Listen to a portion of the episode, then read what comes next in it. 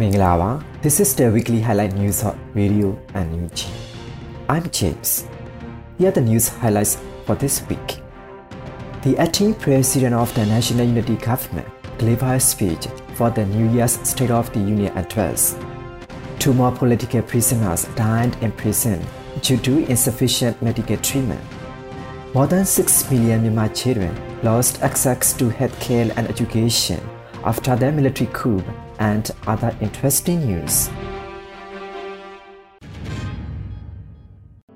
These are the weekly news details.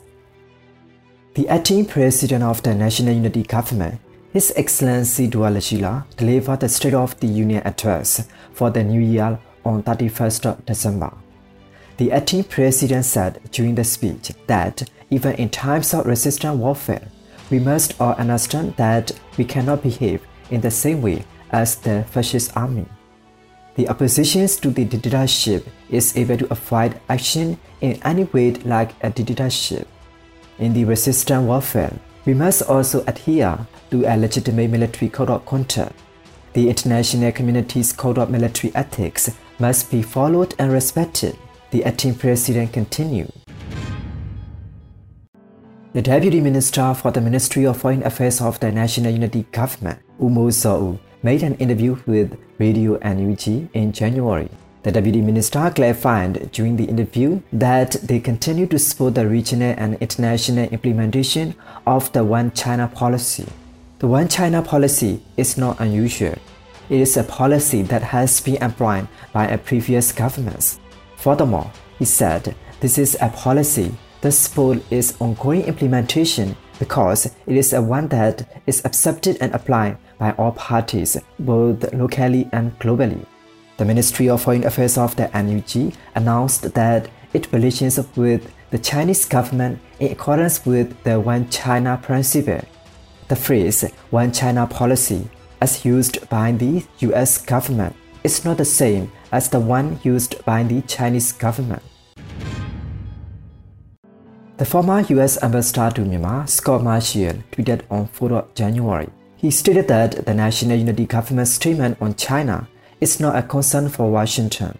The NUG statement is intended to persuade Beijing that it has an appropriate option. This statement, in my opinion, should not be a source of concern for Washington, he said. The Ministry of Foreign Affairs of the National Unity Government issued 10-point position statement on China on 1st January, and particularly, it included the fact that Myanmar would take responsibility for all the treaties signed under the MOU between the two countries, including the border demarcation treaties before the 2021 military coup. The All Myanmar Political Prisoner Network AAPP announced on 31st December that Gosan Lin San, who died on 30th December in Pathein prison, and Macheri Win, who died on 21st December in Insein prison, died due to insufficient access to medical treatment in prison. The prison officers from the prison department and the terrorist military council treated the prisoner as enemies and committed a number of the crimes against them. Every human being has the right to live. Currently, those in prisons are losing their right to live. AAPP steering committee member Kotai Tong told the MPA news agency that people who need of emergency treatment are still not allowed to receive treatment.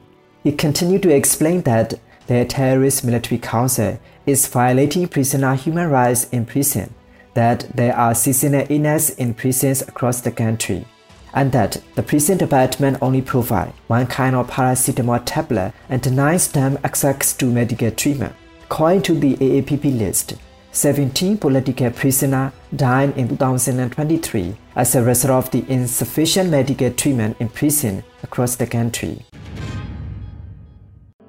According to a report by the United Nations Office for the Coordination of Humanitarian Affairs, UN OCHA, more than 6 million children are facing insufficient food and malnutrition, as well as interrupted healthcare and education as a consequence of Myanmar's military takeover.